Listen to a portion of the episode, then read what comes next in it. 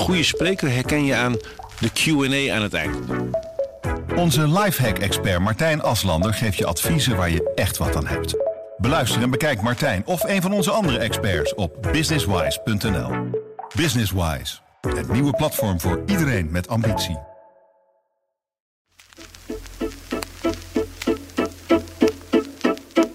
Welkom bij een nieuwe aflevering van Haags Half Uurtje, de politieke podcast van Trouw. Mijn naam is Christophe Schmid en deze week gaan wij het hebben over de opvangcrisis, want we gaan het geen asielcrisis noemen. En de grote expert bij ons uh, daarvan is Petra Vissers. Petra, welkom.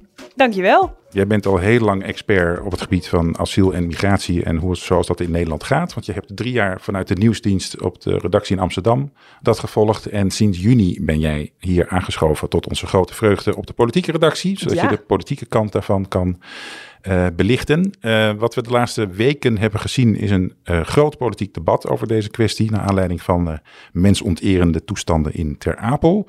Daarom wilden wij deze aflevering gebruiken om alle cijfers en feiten nog eens op een rijtje te zetten.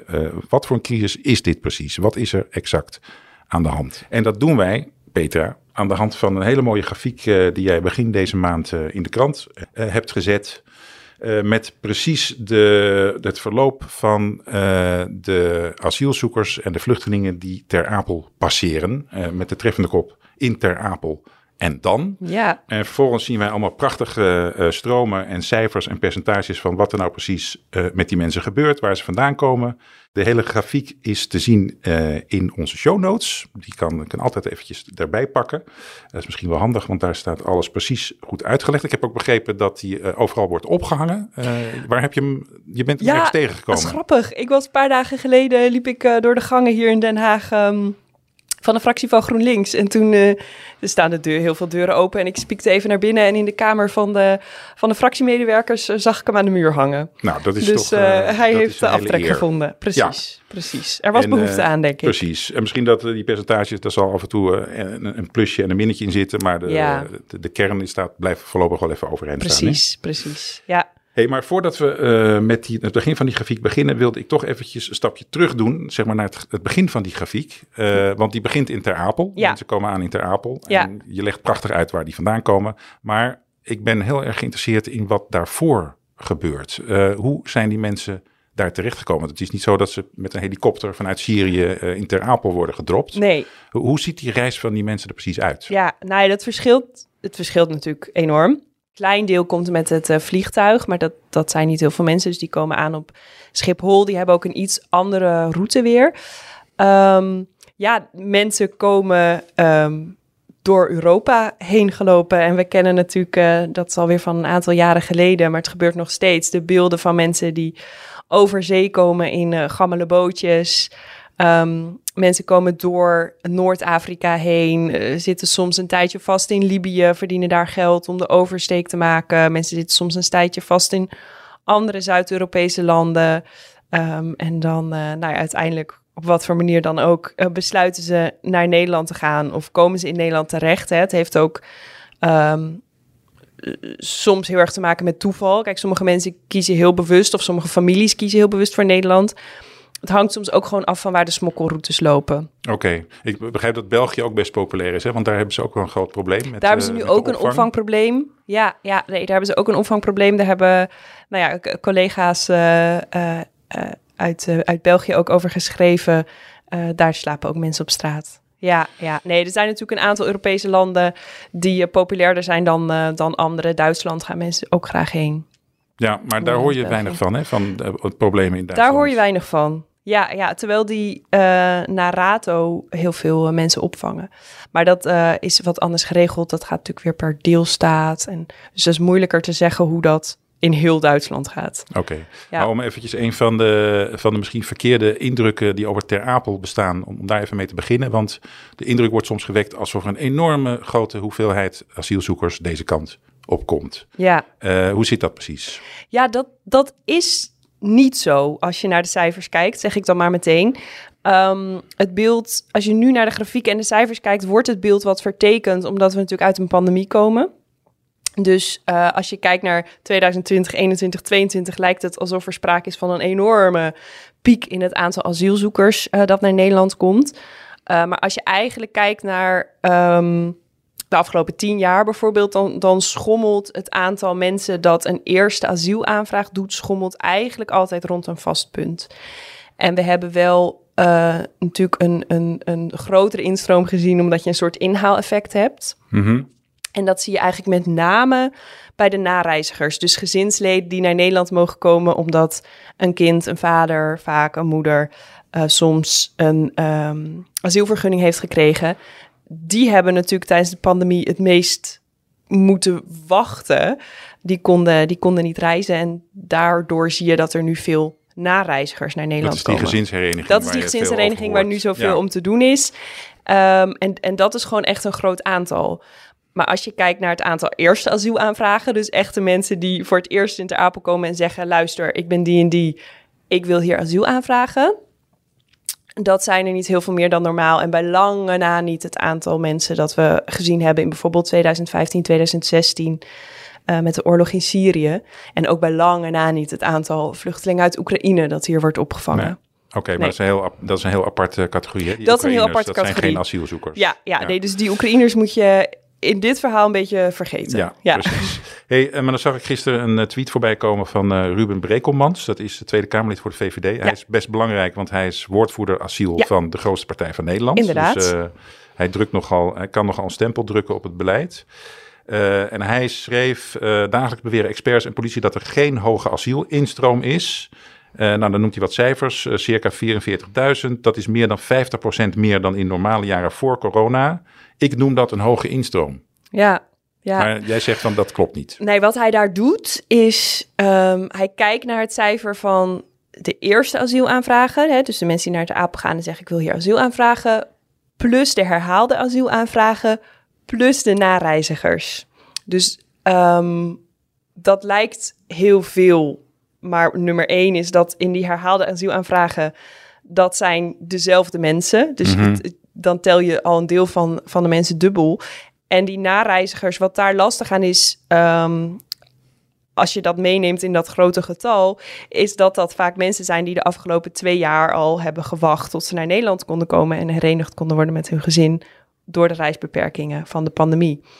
Dus dat cijfer is, ehm, is best wel lastig te gebruiken, ook omdat hij het dan vergelijkt met de instroom in 2015, 2016.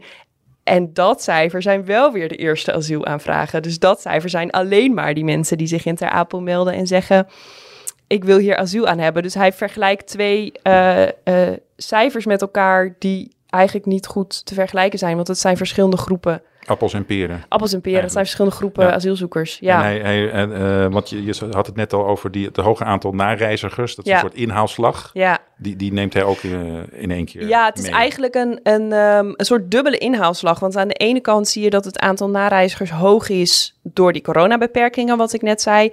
Waardoor het aantal nareizigers ook hoog is, is omdat de IND een jaar geleden ongeveer een enorme achterstand heeft ingelopen in de behandeling van asielaanvragen. Waardoor je dus nu al die mensen die soms meer dan twee jaar hebben gewacht op dat oordeel van de IND, nu ehm, herenigd kunnen gaan worden met hun gezin. Dus het, het is een soort dubbele, ja, dubbele inhaalslag, waardoor dat aantal nareizigers nu zo ontzettend Ja. hoog ligt. Oké. Ja. Hey, ik pak weer even jouw grafiek erbij. Want een ander, eh, als ik het vooroordeel mag noemen, is dat heel veel asielzoekers eigenlijk al in een ander EU-land eh, asiel hadden moeten eh, aanvragen. Dat zijn Ja. de zogeheten Dublin-claimanten. ja, de Dublin, dat is een ja. oude Europese afspraak, het verdrag van Dublin. eh, dat asielzoekers eh, eh, asiel moeten aanvragen in het eerste land van aankomst in de EU. Yes. Maar eh, zeg jij eens even wat voor een percentage dat eigenlijk is. Nou, van de mensen die zich dus een eerste asielverzoek doen in Ter Apel, is dat 16% Dus dat is helemaal niet zo heel veel. Nee. Zijn er wel meer dan die andere groep waar je zo mogelijk nog meer over hoort, namelijk die veilige landers. Dat is maar Daar 4 hebben we het zo nog over, Ja. Maar ja, het is maar. verklapt. Ja, ik heb het al verklapt.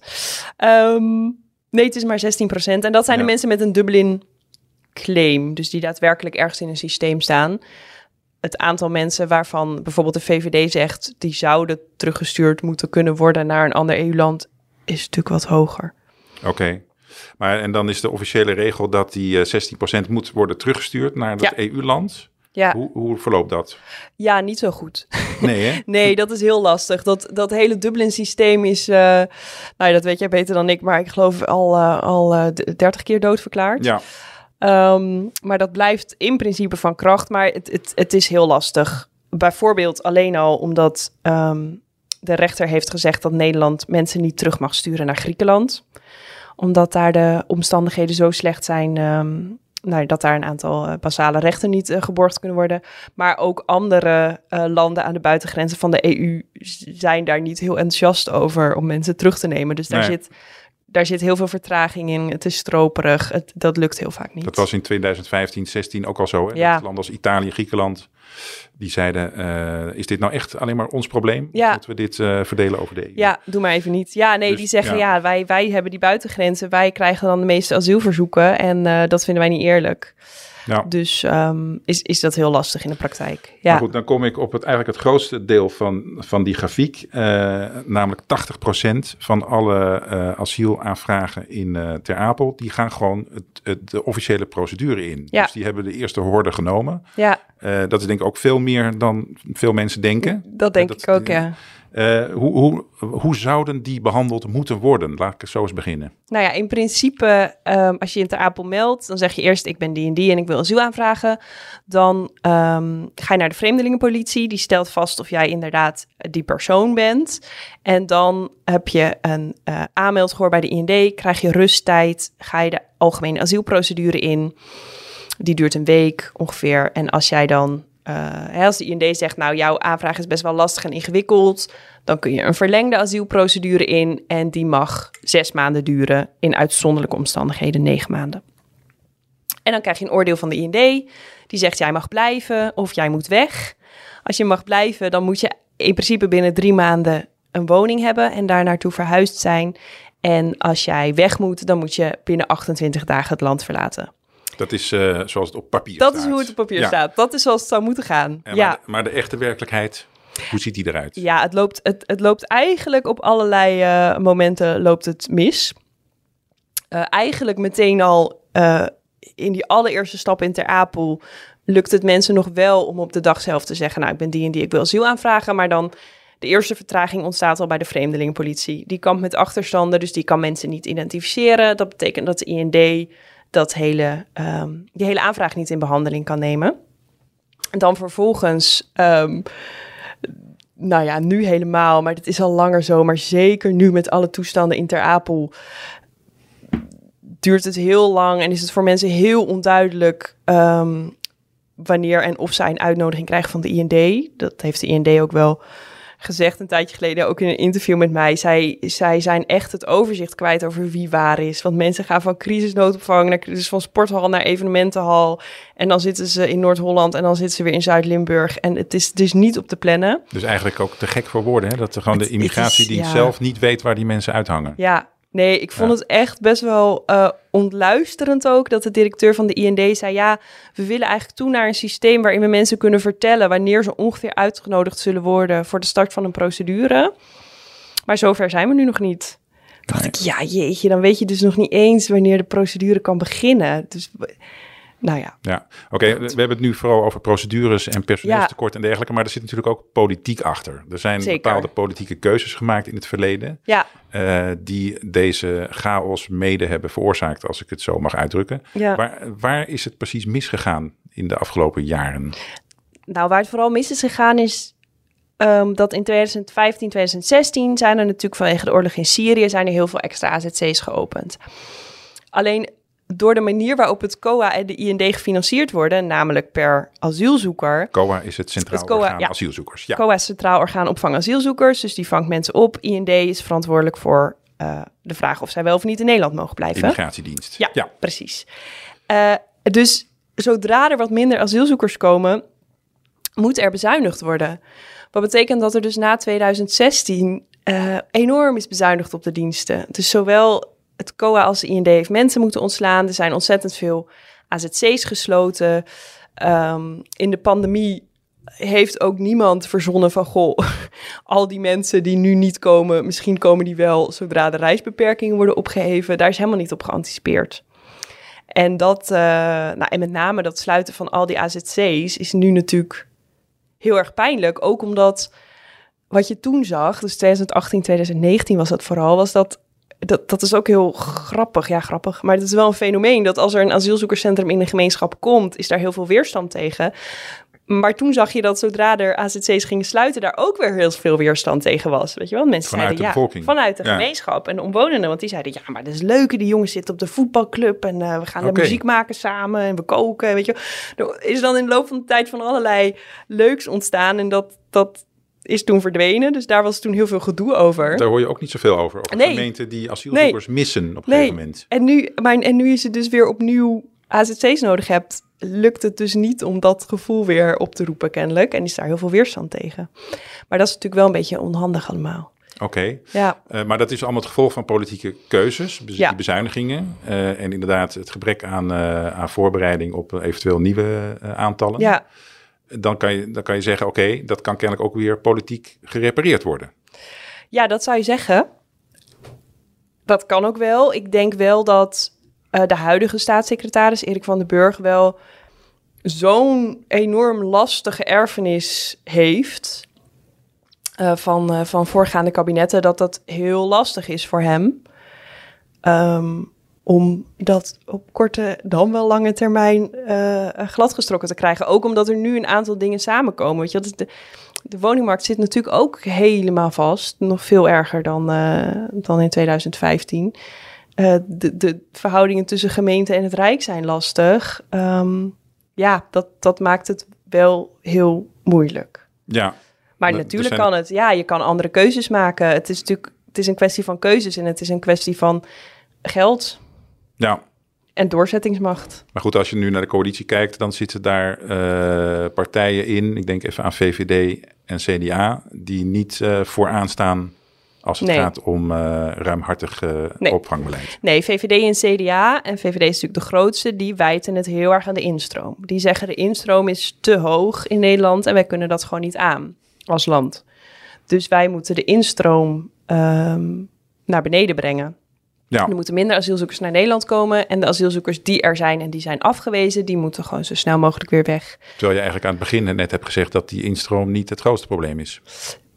Nee, dat zou niet mijn analyse zijn. Nee, nee, die is echt niet groter dan eh, een paar jaar geleden. Ja, het zit Ah. verderop in de keten. Het zit echt in vertragingen bij, bij de IND en, en gewoon te weinig goede opvangplekken eh, bij het COA. Ja, Ja, dus kijk, en dat is natuurlijk, en dat is ook heel, lastig in die coalitie. Dat is natuurlijk, eh, CDA en VVD die zitten heel erg op eh, het ligt aan de instroom. We moeten, we moeten het aantal asielzoekers naar beneden brengen. Terwijl D66 en de ChristenUnie die zeggen, ja, eh, daar ligt het helemaal niet aan. Dit is, dit, dit is een bestuurlijk falen. Dit, er zijn helemaal niet zo heel veel asielzoekers. Eh, wij hebben er gewoon een potje Ja. van gemaakt in Nederland. ik wilde trouwens nog even inhaken op het woord instroom inderdaad. Want eh, ik weet niet of jij hetzelfde voelt als ik, maar er wordt in de politiek heel veel dat soort Ja. termen gebruikt. Ja, dat is instroom. naar? Ja. Nee, maar goed, dit, dit is al een lange discussie. Ehm, eh, dat zijn een beetje dehumaniserende Ja. termen, alsof een soort vloedgolf van, eh, van eh, tsunami migranten, hebben, tsunami ja, van ja, migranten. Eh, ik zelf probeer soms dat, een beetje weg te blijven van dat woord, maar het is er zo in. ingesleten. Ja, je gaat, dat is ook, hè, als je dan een paar jaar met het onderwerp bezig bent zoals ik, dan ga je op den duur ook sommige termen overnemen. Ja, Kijk, er wordt soms heel erg gedaan alsof eh, het grootste deel van de asielzoekers eh, uit een veilig land komen en eigenlijk economische migranten zijn en overlast veroorzaken. En die zijn er zeker, hè? Dat, dat wil ik echt niet. Ik ben zelf heel veel in Ter Apel geweest en eh, ze zijn er en het is bloedirritant. Maar wat je ook ziet in die grafiek is dat het overgrote deel van de asielzoekers daadwerkelijk vlucht voor geweld Ja. of oorlog of, of vervolging. En dat, ehm, nou ja, dat, dat lijkt soms in de manier waarop we erover praten eh, ook wel eens vergeten te worden. ja. Want je Ja. noemde al dat percentage van 4% van die veilige landers. Ja, Wat gebeurt daarmee? nou in principe worden die ehm, zo snel mogelijk afgewezen. Daar komt het eigenlijk op neer. En zij willen binnen enkele weken wil de IND eigenlijk zo'n veilige lander afwijzen. Dus er is, en Nederland heeft een lijst met landen waarvan ze zeggen, hier is het in principe veilig. Uh, dus je gaat een, een hele korte asielprocedure in. En dan hebben we het over Marokko, Algerije. Nou, Algerije is er net afgehaald. Oké. Marokko is natuurlijk een, een hele bekende, maar bijvoorbeeld ook Albanië, waar ook nog best wel wat asielzoekers vandaan komen. Um, het lastige aan die lijst is alleen dat er wel weer uitzonderingen op zitten. Dus je kunt als veilige lander, als je aannemelijk kan maken van ja, maar misschien loop ik specifiek wel gevaar, want ik ben een homoseksuele mensenrechtenactivist of zo, dan, dan kun je um, weer de gewone asielprocedure in. En dat maakt het natuurlijk heel erg lastig, want dat zegt de staatssecretaris ook. Daardoor kunnen we niet gewoon zeggen, als jij je ochtends meldt en uit Marokko komt, kun je niet smiddags zeggen, ga maar weer terug. Dus je moet toch een vorm van, van procedure hebben. Dat hoort binnen een aantal weken te gebeuren. Dan moeten mensen uh, het land verlaten. Alleen ja, omdat de IND dus kampt met, met zoveel uh, achterstand en een tekort aan mensen, duurt dat ook steeds langer. Dus, dus die veilige landen blijven ook steeds langer hangen. Want je, moet ook, je bent ook afhankelijk van het land van terugkeer. Nou ja, en dan vervolgens, dat is ook een groot probleem, vooral uh, Marokkaanse staatsburgers. Um, als die hun papieren hebben kwijtgemaakt, wat ook nogal is gebeurd, dan wil Marokko ze niet teruggeven, terugnemen. Dus wij willen ze wel teruggeven. Ja. Marokko die zegt, uh, het schoen met jou. Dus dat maakt het ook heel lastig. Dus er zitten heel veel jonge Marokkaanse jongens die inderdaad zijn afgewezen door Nederland, maar ook niet terug kunnen naar Marokko. En die soms, ja, weet je wel, die worden dan vastgezet uh, om uitgezet te worden. Dat lukt niet. Dan worden ze weer op straat gezet. Ja, dan, dan leven ze even in Nederland. Dan ja, doen ze iets sufs, dan rijden ze door een rood licht, worden ze Mhm. weer opgepakt, worden ze weer vastgezet. Zo Ze mogen ook niet werken, toch? Nee, Eh, nee. nee. want nee, nee, nee, ze mogen Nee. niet in Nederland zijn. Nee, dus die kunnen geen kant op. Nee. Die gaan door Oké. Europa zwerven. En heel vaak zie je dan ook dat ze in andere landen weer opduiken, daar een nieuw asielverzoek doen. Dus dat is een super lastige eh, groep. Ja. Om, eh, om, ja. Hey, en in je grafiek noem je ook heel vaak de dienst terugkeer en vertrek, zoals die heet. ja. Ehm, eh, daar hoor je ook niet zoveel van. Wat, dat komt, die staat ook niet elke dag in de krant. Maar Nee. eh, wat weet jij over die dienst? Wat, wat, wat doen zij precies? Nou, de, de dienst terugkeer en vertrek, ehm, daar kom je mee in aanraking als je een vreemdeling bent die het land moet verlaten. Dus dat kunnen zowel asielzoekers zijn, maar ook eh, andere vreemdelingen. Wat denk ik ook nog wel goed is om te noemen, dat dus ook niet alle vreemdelingen of alle migranten zijn asielzoeker. Exact. Dat eh, hoorde ik eh, soms ook in de Kamer, worden de cijfers genoemd en dat gaat dan over alle migranten Ook eh, Belgen, Spanjaarden, Duitsers. Ja en, en weet je wel, mensen uit India die door ASML worden aangetrokken, worden dan ook ineens op de hoop asielzoekers gegooid. Doe dat niet. Nee. maar ehm, goed, als je het land moet verlaten, kom je bij de dienst terugkeer en vertrek terecht. En in principe zijn mensen zelf verantwoordelijk. Die moeten binnen 28 dagen het land verlaten. Daar kunnen ze hulp bij krijgen van de dienst terugkeer en vertrek. Dus ehm, die kan ook helpen met terugkeer. Die kan soms ook zeggen, die doet dat dan samen met ehm, andere organisaties. Van goh, heb jij een startkapitaal nodig? Heb jij contacten nodig om het in jouw land van herkomst misschien een bedrijfje te beginnen of om het daar wel te redden als je, als je terugkeert? Eh, dat is één. En het tweede wat zij doen is mensen vastzetten en eventueel ja, gedwongen eh, terugsturen. Dus dan worden zij door de eh, DTNV op een vliegtuig gezet. En dat kan zijn onder begeleiding van, eh, van DTNV-personeel. Kan ook zijn vastgebonden.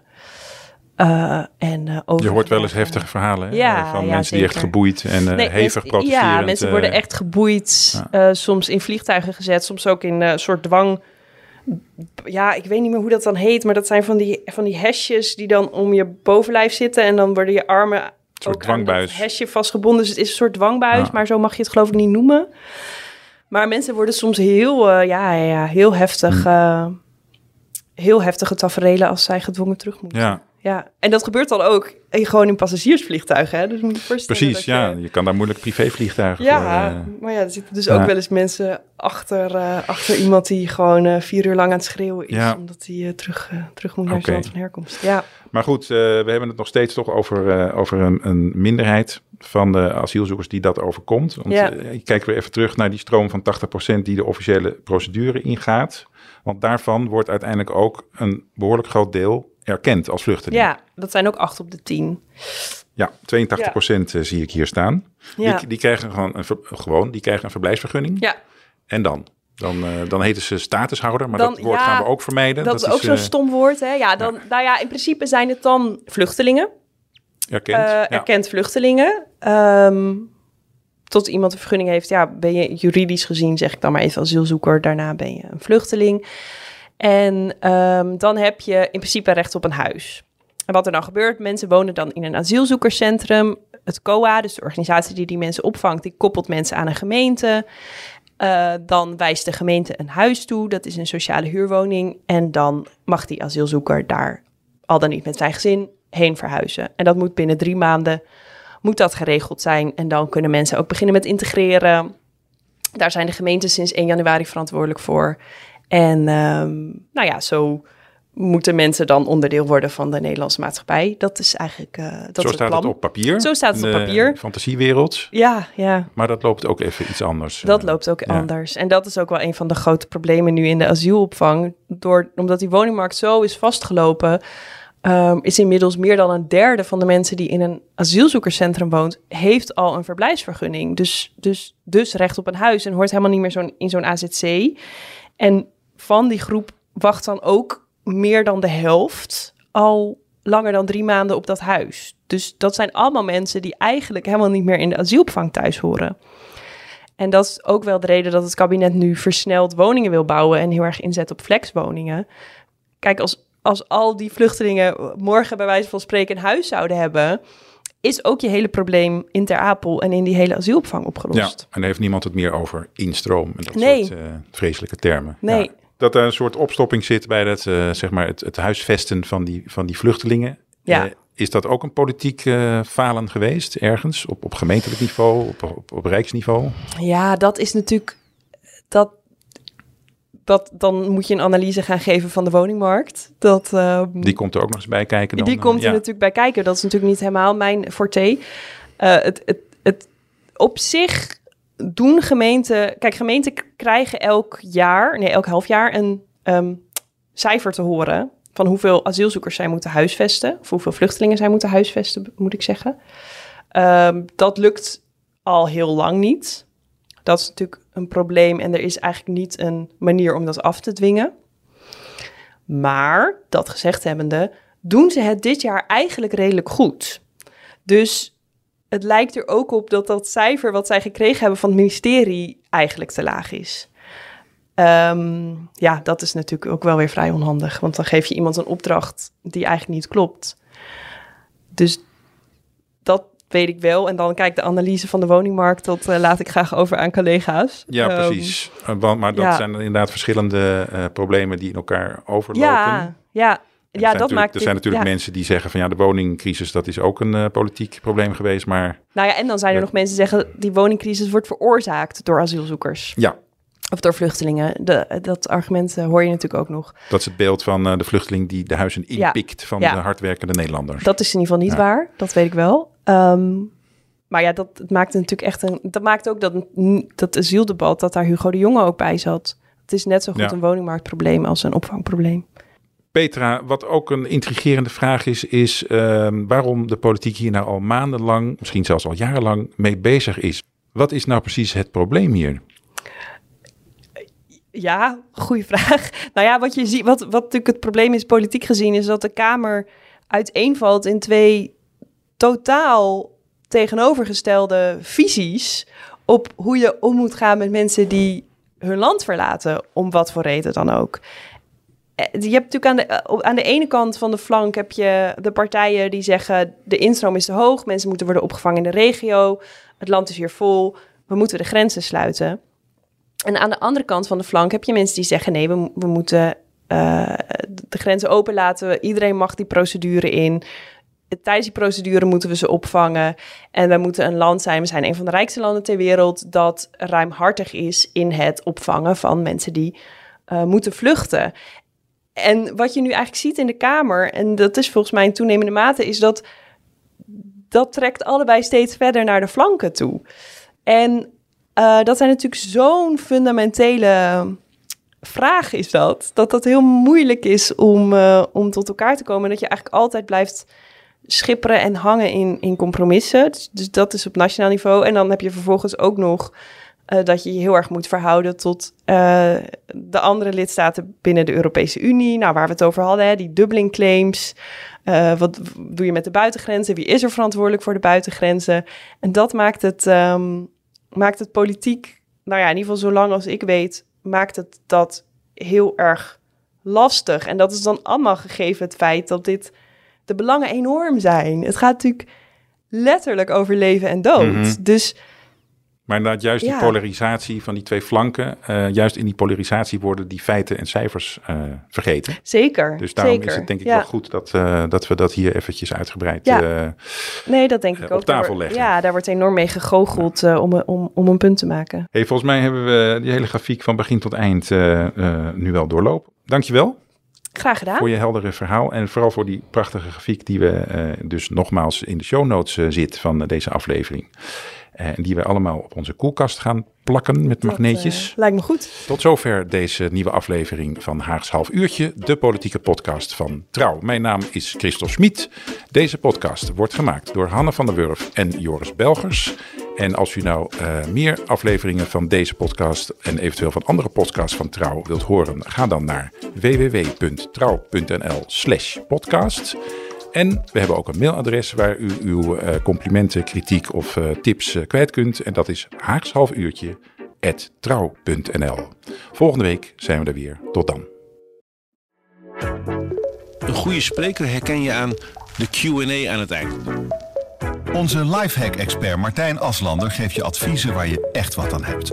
Beluister en bekijk Martijn of een van onze andere experts op businesswise.nl. Businesswise. Het nieuwe platform voor iedereen met ambitie.